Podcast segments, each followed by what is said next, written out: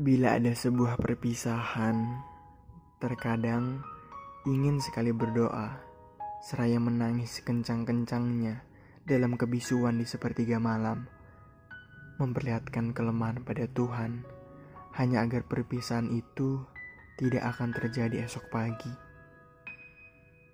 Tetapi jika nanti aku terpaksa berucap selamat tinggal, maka aku tidak ingin sama sekali ada sepasang mata yang harus basah hanya karena perpisahan itu, sekalipun itu begitu menyedihkan. Aku tidak ingin terlihat buruk saat berpamitan. Aku ingin berjalan perlahan dengan suara hentakan kaki yang paling tenang.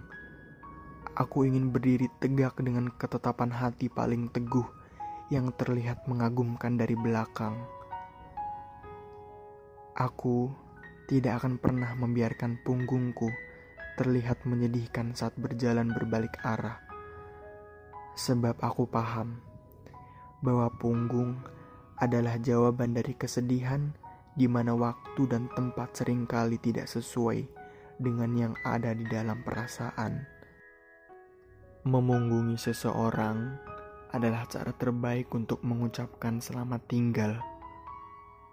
Tapi Aku tidak akan membuatnya dengan penuh kesedihan.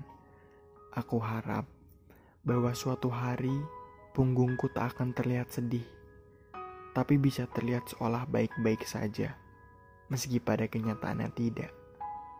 Barangkali aku harus terima bahwa penantian tidak pernah sederhana dan tidak selalu menghasilkan sebuah temu. Hingga saatnya, entah dengan alasan apa kita tiba di ujung jalan. Tetapi sayangnya, tak ada yang pernah benar-benar selamat dari ucapan selamat tinggal. Tidak pernah ada yang baik-baik saja. Maka, mari berjanji untuk tetap baik-baik saja, agar di lain hari kita akan bertemu kembali. Aku ingin melihat siapa di antara kita yang senyumnya paling bahagia.